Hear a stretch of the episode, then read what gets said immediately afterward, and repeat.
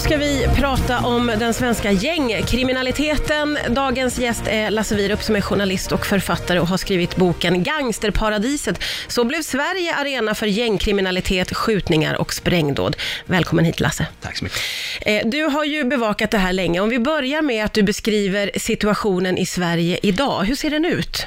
Man kan väl säga att eh, den kriminella gängvärlden exploderade eh, i början av 2010-talet och, det som har hänt är att ungefär 200 nya konstellationer i de utsatta områdena har lagts till de eh, redan ganska många kriminella mc-gängen och varumärkesgäng och eh, släktnätverk och så. Så att det är ju en väldigt stor ökning på kort tid. Ja, verkligen. Hur går det då till när ett gäng bildas?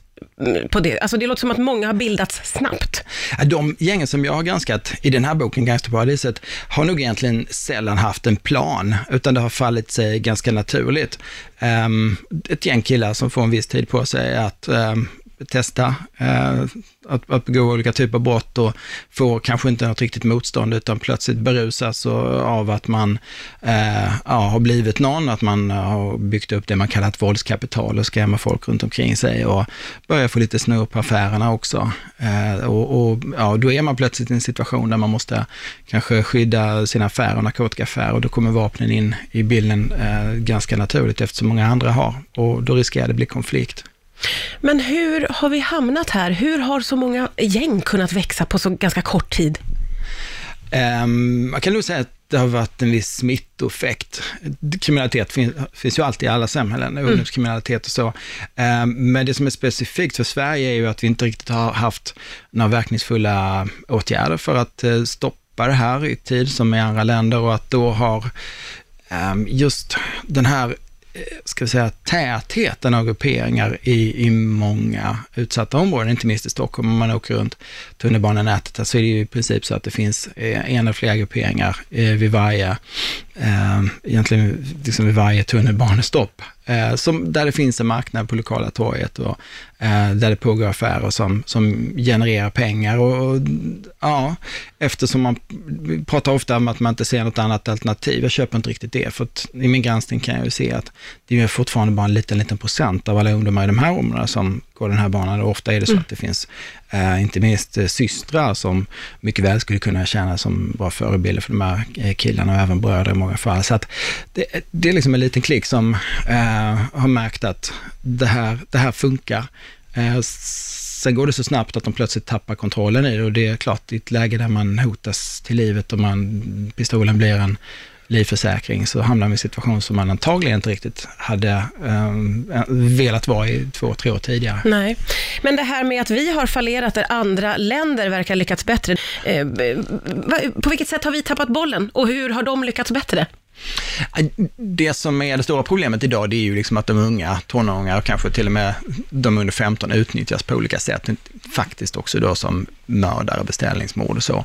Eh, och det där ser man ju i ganska få andra länder. Eh, Var i Danmark för, för, för några veckor sedan en stor rättegång mot svenska gängmedlemmar. Eh, där har man ju inte alls den här problematiken, där, och då förklarar man åtminstone där med att det är inte stora rabatter. Du, du, du eh, behandlas ganska tufft även om du är yngre. Eh, och där blir, därför blir det då inte heller det här incitamentet från de unga att göra grejer som ja, kanske inte kostar så mycket och inte heller eh, kanske att de äldre försöker dra in de yngre därför att de blir, vad ska jag säga, redskap som, som man kan övertala igen och säga, ja, men gör det här, du kommer meritera dig till vårt gäng och du kommer ändå inte få någonting när du åker fast straffmässigt. Så Ja, det tror jag är en aspekt man inte ska underskatta. Mm. Du, I boken så berör du ju många av de här gängens olika spelplaner eh, och, och det finns väldigt många olika. Kan du berätta till exempel om hur mc-gängen pressar folk eh, på pengar i, i sydsvenska småsamhällen? Just det, jag har tittat på eh, den tredje internationella eh, organisationen som heter Satudara, som kom från Holland, inte USA, som, som de andra har gjort. Eh, och det är det klassiska, man hänger på sig västar eh, och man är kanske inte särskilt farlig själv, men man spelar ju på den här uppfattningen som många har, att eh, en biker med liksom, de här insignierna, framförallt om du då är med i någonting som kallas en organisation, så är du extra farlig. Eh, och Ja, de har väl kopierat det här beteendet. Många av dem är också ganska unga eh, och inte ens födda när HR Bandidos etablerades på 90-talet. Men de tar efter det beteendet. Lyckligtvis så har inte de varit särskilt framgångsrika. Jag tror också att folk idag har genomskådat det här lite mer än tidigare och att man faktiskt går till polisen. Att många av de här fallen skriver jag ju om och har fått nys om därför att de har klarats upp. Ja, ja, ja, ja, ja precis. Så, så det är inte riktigt som det var då. Det är någonting som ändå har förändrats från förr kan man säga. Att de har inte ett sånt järngrepp om ett samhälle kanske på det sättet, eller? Nej, precis, det tror jag man kan säga. De är ju inte heller... Eh, de är nog mera riskkalkylerande. Ska vi göra detta? Ska vi inte? Vad vi vinner? Vad vi förlorar? Eh, skjutvapnen finns inte med på samma sätt. Eh, mot, på det, som i de här gatugängen och liksom förortsgängen. Eh, så att just jag menar, vem som helst kan föreställa sig hur obehagligt det är att plötsligt så står det två västkillar på gården ja. Eh, och ska ha 30 000. Absolut, men ja. här, de här exemplen som jag skriver om visar att det enda raka är att ringa polisen direkt. Polisen ja, kommer att ta det på stort allvar. Ja. Eh, det har ju pratats senaste veckorna en hel del om klaner. Va, va, känner du igen dig i det? Ja, men definitivt. Ehm, jag och Matti Larsson skrev boken Svensk maffia 2007, ett kapitel hette Kriminella klaner. Ehm, Då var det inte Mellanöstern så mycket, utan det var ehm, de från Balkan, det man kallade för juggemaffian och så. Så att visst är det så att i den undre världen så är det en maktfaktor man, man väldigt länge har att haft att ta, ska säga, hantera eh, och förhålla sig till. Eh, för allmänheten är kanske lite nytt och vi journalister kanske inte riktigt har eh, gett oss ut som vi borde i det här området, men det är intressant att den här diskussionen kommer upp nu. Mm. Eh, och, och, som vi pratade om eh, innan låten här, så eh, berör ju du då att det finns så många olika spelplaner och vi pratade lite om MC-gängen. Eh, vad jag förstår så i Göteborg så finns det eh, en stadsdel för narkotikahandelns nyrika.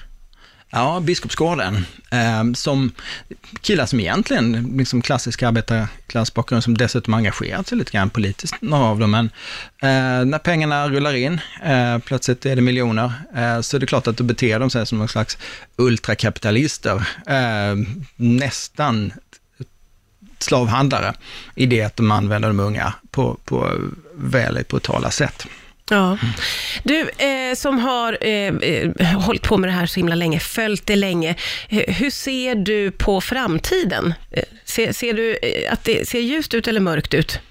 Det är tufft, absolut. Eh, väldigt många har dragits in i den här världen de senaste åren. Men det som är positivt är ju att vi ändå har fått den här diskussionen, tycker jag, inte minst de senaste veckorna, mm. eh, att nu krävs det någonting nytt, radikalt. Det här kommer inte att, försvinna av sig själv, som man kanske har hoppats tidigare. Mm. Eh, och det är många förslag på bordet och jag, jag, tror att det är klokt att titta på hur man hanterar det här eh, i andra länder. Vi är väldigt lika många andra och våra grannländer, men av någon anledning har tänkt att vi ska gå vår egen väg här och inte, ja, vi har vänt Danmark till exempel ryggen trots att man där har ju faktiskt eh, minskat antalet gängmedlemmar, konstellationer och även skjutningar. Så att det, ja. Vad är det vi borde ta efter eh, om vi tittar på Danmark, tycker du?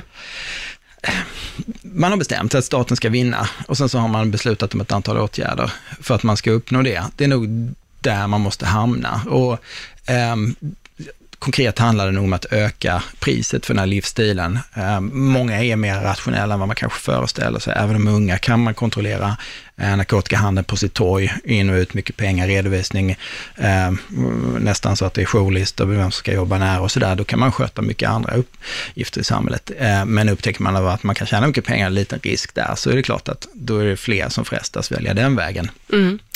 Eh, boken heter Gangsterparadiset, så blev Sverige arena för gängkriminalitet, skjutningar och sprängdåd. Tusen tack för att du kom hit idag, Lasse Wierup.